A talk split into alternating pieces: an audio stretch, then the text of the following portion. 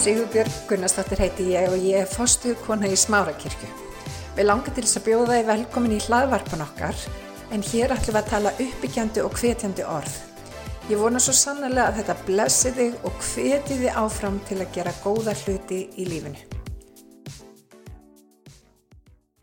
Við langar til þess að fara með okkur í dag í Mattus. Þetta er svona orð sem er búin að vera að brjótast um í hjarta mínu og þetta er því að ég tela þetta orð sem að Guð hefur sett á hjarta með þetta eigi erindi til okkar allra. Og mér langar til þess að lesa í Mattiusi 10 í 12. kabla og það stendur svo fyrir gefas 11.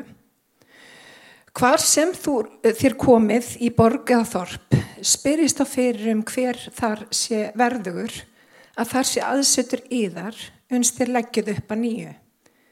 Þegar þið komið í hús þá árnið því góðs og sé það verðugt skal fríður í þar koma yfir það en sé það ekki verðugt skal fríður í þar aftur hverfa til yðar. Og takið einhver ekki við yður nýja hlýða á orð ykkar. Fara það út úr húsi eða þeirri borg og hristið dustið að fótum yðar. Amen Takk Jésús. Þegar þarna er komið við sögu þá er þetta Jésú að kenna lærisjónunum sínum hvernig þeir þurfa að hafa stað eftir að hann er farin frá þeim og þegar þeir fara sjálfur stíga út á, á það sem að Guð hefur kallað þá til og gera vilja Guðs. Uh, Minnst mjög aðtilsverð sem að kemur fram í þessum versum og þarna er Jésús að brína lærisjónuna hvernig þeir eiga, þeir eiga að höndla þegar fólk tekur ekki við því sem að þeir hafa að segja. Og hann talar um þennan frið, að við um að fara inn í hús fólks með frið. Nú ef að fólk tekur ekki við friðnum eða það er ófriður á, á svæðinu, þá er svo mikilvægt að við tökum aftur okkar frið tilbaka. Og þetta er gríðarlega mikilvægt í lífinu og mjög margir á göngunni gegnum lífið, á göngunni með Guði týna friðsynum einhvað gerist og allt í henni er friðurinn úti. Og ef að þú átt ekki frið í hjartanu og þú kannski lítur tilbaka og finnur að friðurinn er horfin þá er ofbúslega mikilvægt fyrir því að ná í friðin tilbaka og getur verið í dag að við höfum mist friðin eitthvað starf. Eitthvað starf á leiðinni hefur við, höfum við tapað friðinum. Friðin sem aðeins við getum gefið og vil gefa okkur. Og ef svo er, vinnir, þá er komið tími til að ná friðinum tilbaka. Eitt af þeim orðum sem að, uh, sem að við getum sagt um Guð er að hann er kjallegur. Hann er líka fyrirgefning heilagur andi er kallaður hjálpari. Hann er hjálparinn okkar. Og það er orð sem að skilgreini Guð og hvað Guð vil gera í okkar lífi. Hann vil vera okkar hjálpari. Hann vil aðstóða okkur. Hann vil ganga með okkur og kenna okkur. Og við erum sköpuð í hans mynd. Þannig að eðli málsins samkvæmt að þá er element í okkur sem að þráir að hjálpa öðrum Við viljum hjálpa öðru fólki. Og Guð hefur sett þetta í okkur til þess einmitt að vittnisspurur okkar og okkar líf sé blessun ekki bara fyrir okkur, ekki bara fyrir fjölskyldun okkar, heldur fyrir samferða fólk okkar líka. Við erum öll kölluð til að hjálpa. Uh, en þetta snýst ekki bara um köllun til að hjálpa. Og það er það sem þessi vest tala svo skýrt um. Þetta tala líka um opnun. Það er svo mikilvægt að þegar við erum að hjálpa eða rétt að hjálpa hönd að það sé gert þegar um opnun er að ræða. Þegar fólk tekur við hjálpinni, það er að segja. Í ofinbyrjum Jóhannessar stöndur í þriðjakabla í 20. vessi Ég stend við dyrnar og ég kný á. Ef einhver heyri raust mína og líkur upp dyrunum, mun ég fara inn til hans og neyta kvöldverða með honum og hann með mér stendur í ofanbyrnubókinni. Likil atriði í þessu versi er að ef við heyrum röstu drottins, það er ekki nóg að heyra. Við verðum að ljúka upp hörðinni, við verðum að opna dyrnar fyrir það sem að Guð ætlar að gera í okkar lífi. Hann mun ekki koma inn og neyta kvöldverðar með okkur nema við opnum hörðin og hleypum honum inn. Ég man þegar ég var að byrja sem fórstöðumær þá tók ég alveg óbúslega nærri mér. Þegar ég var að reyna að hjálpa fólki, fólk kannski baðum aðstof mína og ég var að reyna að hjálpa því og ég var að, að reyna að gefa þeim visku og, og annað slikt inn í aðstæðar sem ég vissi að það átti erfitt með. En það tók ekki á móti. Það tók ekki á móti því sem ég kannski hafði að, hafði að segja og ég, ég sá möguleikana með lífiðkomandi. Ég hugsaði, vá, ef hann bara myndi fara eftir þessum ráleikingum, vá hvað lífið hans yrði allt, allt öðruvísi. En vinni, það er ekkert allir sem að taka við ráleikingum. Það er ekkert allir sem að opna sig fyrir þeim ráleikingum, jáfnvel þótti viti að þeir þurfa að hjálpa að halda. Og ég fór að hugsa mig sjálf mér, kannski sepa, ert þú ekki köllið í þetta hlutverk? Kannski er það bara þannig að þú átt bara að vera að gera eitthvað annað, setja orkunni í eitthvað annað. Og kannski að vissu leiti var það rétt. En ég er samt köllu til þess að hjálpa fólki. Ég er samt köllu til þess að hafa áhrif á lífi viðkomandi. Og, og þarna þurfti ég og þarna þurfum við öll að hrista af okkur dustið og halda áfram, ekki satt. Má ég heyra með? Takk Jésús. Svarið en að bleið einmitt í þessum versum. Lærisirinu hafði gengið með Jésu og Jésu var að gefa þeim, uh, hann var að gefa þeim vald til þess að fara út. Hann gaf þeim tilgang. Hann gaf þeim líka áallin hvernig þeir átt að fara út. Hann sagði farið tveir og tveir, gerðu þetta saman. En hann gaf þeim líka sjónarhóttn á það hvernig þeir átt að bræðast við ef fólk tók ekki á móti. Og vinir, það er gríðarlega mikilvægt sjónarhóttn að hafa, gagvart öllum aðstæðum í lífinu. Hvað gerir við þegar fólk tekur ekki á móti? Hann sagði við þá, þeir eru eins og lömp á meðal úlfa. Stundum gerist það í lífinu að við erum betin af fólki sem við erum actually að reyna að hjálpa. Og það getur trublað okkur mjög þegar við erum betin af fólki sem okkur finnst við ekki eiga að vera skilin að vera betin af. En hvað gerum við þá? Hvað gerum við þá? Við þekkjum þetta, við eigum úlinga. Þeir hlusta, þeir hafa svona valkvæða hlustun. Þeir hlusta stundum. Ég menna pappa og mamma voru með svona merkja á ískapnum í gamla þetta Better ask your teenagers now while they still know everything. Og það er mikill sannleikur í því.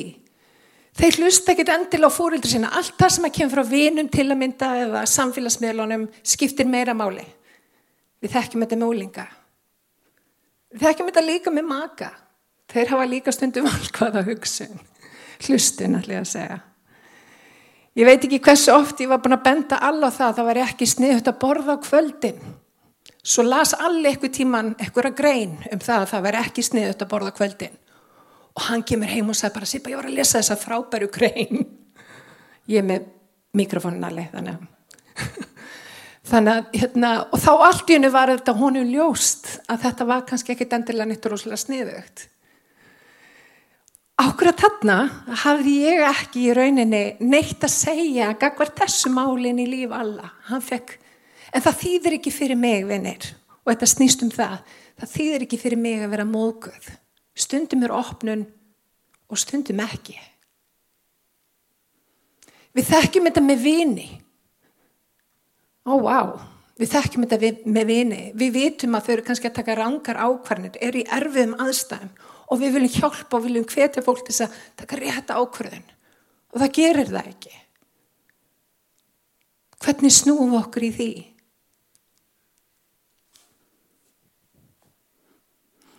En Jésu gefur bestu mögulegu ráðin í slíkum tilvikum. Hann segjar ef húsin eru ekki frið skaltu taka þinn frið fara út úr húsinu og halda áfram. Það er svo mikilvægt að taka friðsinn tilbaka. Margir til dæmis núna hafa mist friðsinn bara heila í februar, rétt fyrir COVID. Um leið og COVID kom, þá fór friðurinn út. Vinir við þurfum að taka friðin okkar tilbaka. Það þýðir ekki að láta COVID stjórna því hvort að við erum með frið eða ekki. Við treystum Guði og hann er starri en allar þessar kringum stæður. Það er bara þannig. Við þurfum að ná friðinum tilbaka. Einhver hér sem er að hlusta á mál mitt hefur kannski mist friðin í síðasta sambandi. Eða gagvart vinnu sem að viðkomandi misti og, og, og, og hann er leiður yfir.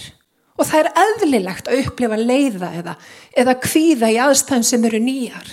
En vinir, ef við höfum mist friðin, þá þurfum við að fara tilbaka og ná friðinum aftur. Og við þurfum að hrista af okkur ríkið og við þurfum að halda áfram. Hvernig, hvað þýðir þetta með ríkið? Hann kennir þeim að dusta ríkið af sér. Rík er tákmynd upp á óhreinindi. Og áður en þú verð á nýjan stað, þá er svo mikilvægt vinnir að við dílu við óhreinindi af gamla staðinum. Ég hef stundu verið með fólk í, í viðtölum hjá mér sem, að, sem hefur jáfnvel verið gift og, og, og lent mitt á einhverjum erfinn stað og hefur þurft að taka það ákvörðin að skilja við makasinn. Áður um ferði nýtt samband er svo mikilvægt að þú dustir rikið af þér til þess að þú getur verið heil í því sambandi sem þú ert að ganga inn í. Þannig að dusta rikið af sér er svo mikilvægt í öllu samhengi lífsins. Þannig að við tökum leksíuna en ekki pakkan sem að fylgir með.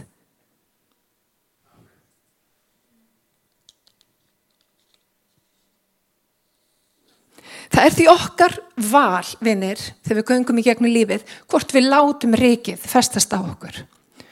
Það er ekkert óeðlilegt við það að fara í gegnum erfiða kringustæði lífsins og upplifa reyði eða vombriði eða eins og allir saði á þann kvíða. Viti ekki hvað framtíðin byrja í skauti sér.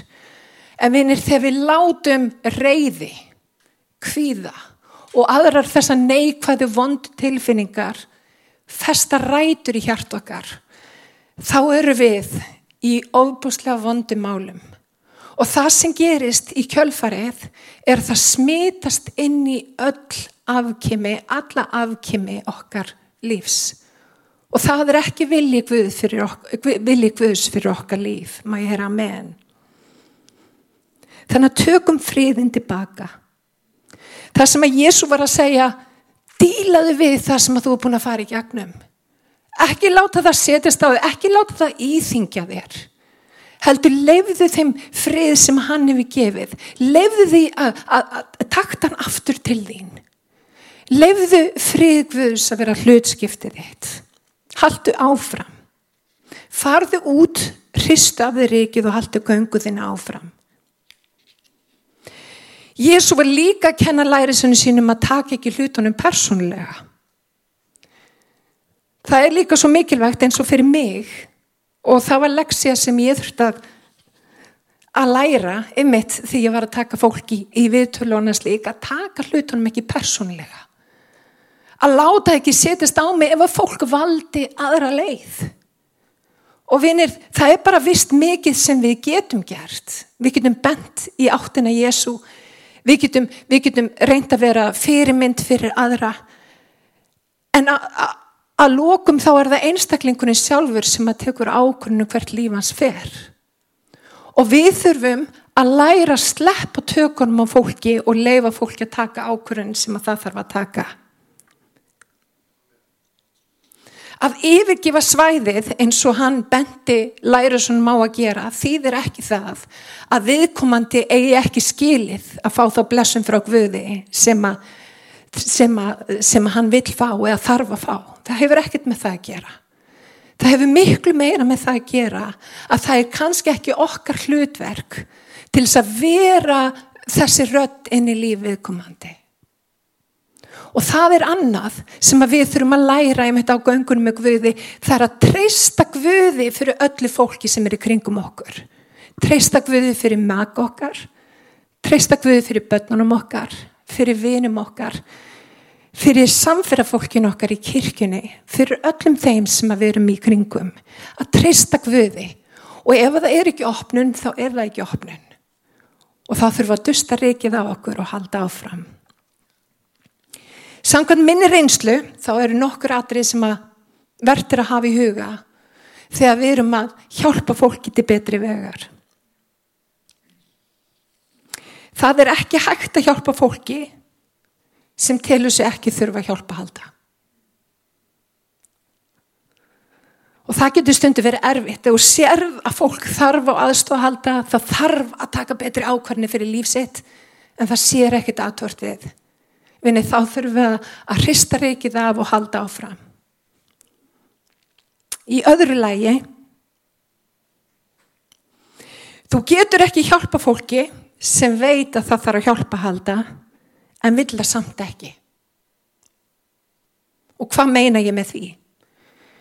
Sumt fólk er húgt á sjúklegu ástandi. Það velur að vera í óeðlilegu ástandi í lífi sínu. Og þetta er með mjög hugleikið út af ég þekki manneski sem er nákvæmlega í svona aðstæðum í dag. Fólk sem að kýsa vera í sjúklegum aðstæðum. Svona fólki er ekki hjálp, hægt að aðstofa nema fólk taki aðstofan og, og, og taki við aðstofanni. Stundum vill fólk ekki aðstóð, jáfnvel þótt að þurfa á aðstóð að halda. Þá þurfa að gera hvað? Stand upp, hrista reikið á okkur og halda áfram. Má ég heyra amen. Amen. Í þriðjarlægi, það er oft ekki hægt að hjálpa fólki. Stundum getur þú ekki hjálpa fólki út af það er þú. Við sjáum það til dæmis í lífi Jésu fólk í hans heimabæ átt erfitt með að taka við Jésu. Það hugsa að byrju, er þetta ekki, ekki svonur Jósefs? Er þetta ekki smiðurinn, smiðsvonurinn? Það er með ykkur að fyrirfram ákveðnar hugmyndir. Þegar svo lesi er, þá er betra að taka upp sitt hafutask, hrista af sér ríkið og halda áfram. Guð hefur einhvern annan til þess að hjálpa viðkomandi. Í fjórðalagi Það er ekki hægt að hjálpa fólki sem vill ekki vil vinna vinnuna til að ná árangri. Aftur, það getur verið mjög erfitt að horfa á fólk sem að getur orðið alveg besta útgána sjálf og segja að það tekur í ett ákvörðun en ef að fólk vill ekki vinnuna þá er svo mikilvægt að við tökum aftur okkar frið og við Látum það ekki tröfla okkur, látum það ekki móðg okkur, við höldum áfram með líf okkar. Og það sem er líka mikilvægt vinir, að fyrir öllu þessu fólki að við höldum áfram að byggja fyrir því. Að við höldum áfram að byggja að það komi lausnin í líf þeirra og við eigum að gera það vanandi allt fólk. En vinni það er svo mikilvægt þegar fólk vil ekki aðstofa að halda að við byggjum fyrir viðkomandi, að við sleppum tökunum og við segjum í drottin Drottin, þetta er þitt verk. Og drottin, ég legg þetta fólk í þínar hendur og ég byrð þig um að gera það sem að þú þart að gera í lífi viðkomandi. Og þegar við gerum það, vinnir, þá leysum við okkur sjálf undan mókun, særindum, höfnun jafnvel. Í svona tilvikum þá er mjög auðvelt að upplifa höfnun. Þegar við réttum fram hjálpar hönd og fólk vil ekki hjálpa höndina en vinir þá er svo mikilvægt að taka friðsinn tilbaka gera eins og segir í vessunu taka friðinn tilbaka fara út, hrista af okkur ríkið og halda áfram vinir. Og það sem ég hef upplifað í kristinni kirkju og ég er búin að vera óbúslega mikið að hugsa um þetta undanfarið það er þetta. Það er ákveð mókun sem hefur átt sér stað særendi margir hafa byrjaði afvel í kristulegu starfi og svo hefur eitthvað gerst. Það hefur eitthvað sagt eitthvað, það hefur eitthvað gert eitthvað. Það hefur eitthvað trúna að brota átt sér stað eða, eða kannski fólk hafi fyrirfram ákveðnar hugmyndunum hvernig hlutinir átt að fara. Og í staðin fyrir að hrist af sér ríkið það hefur fólk látið smókun setja stað í hjarta sínu. Og allt í hennu hefur það litað allt líf viðkomandi. Það er ekki vilji Guðs fyrir okkar líf. Vilji Guðs fyrir okkar líf er að við tökum friðin tilbaka. Að við játum það að það er Guð sem er Guð. Það er engin að fara að geta unni verkvöðs í lífi fólks nema Guð. Og stundum er opnun, vinnir. Stundum er opnun og við eigum að rétta hjálpar hönd. En ef það er ekki opnun, þá þurfum við að taka friðin okkar tilbaka, vinnir. Við þurfum að taka friðin okkar tilbaka og við þurfum að halda áfram göngunum með Guði og láta ekki mókun, biturleika eða gremju vera hlutskipti okkar. Vinnir, það er aðkallandi í dag að við sem kristi fólk við tökum friðin okkar tilbaka.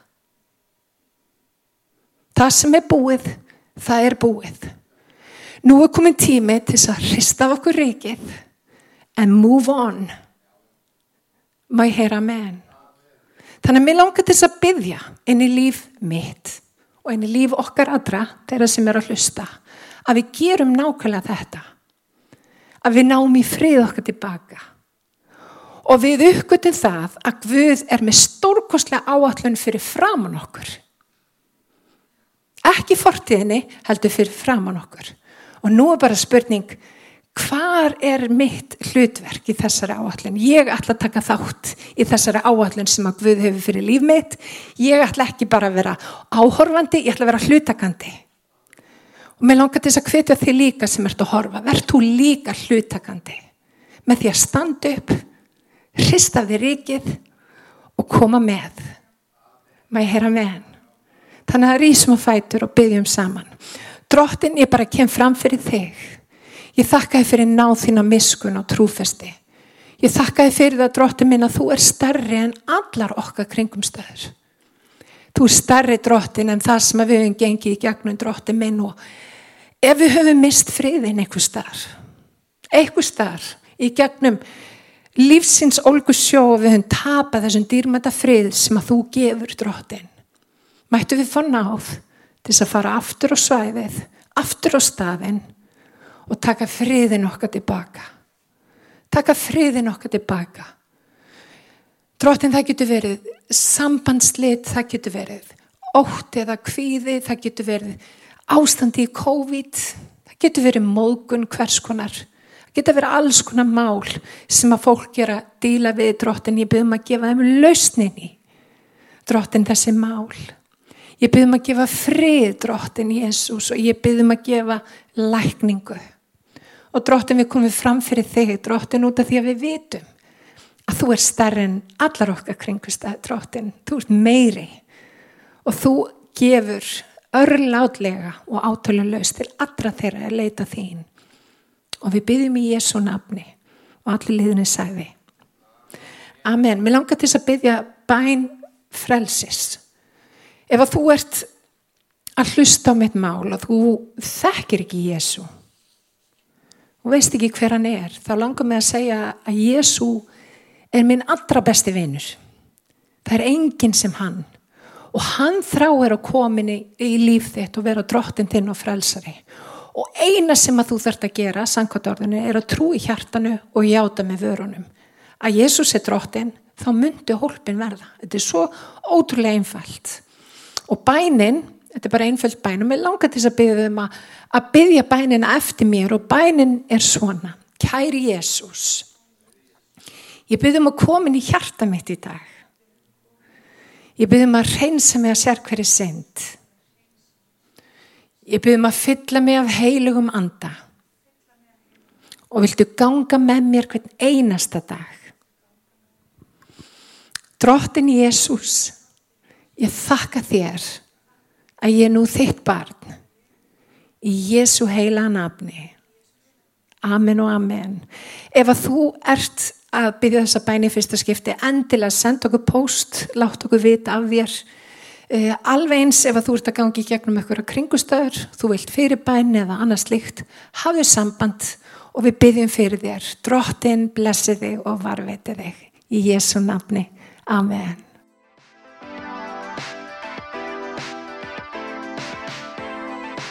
Ég hveti til að stilla inn á okkur með reglum hætti því að hér verður alltaf eitthvað nýtt á nálinni. Takk fyrir að hlusta.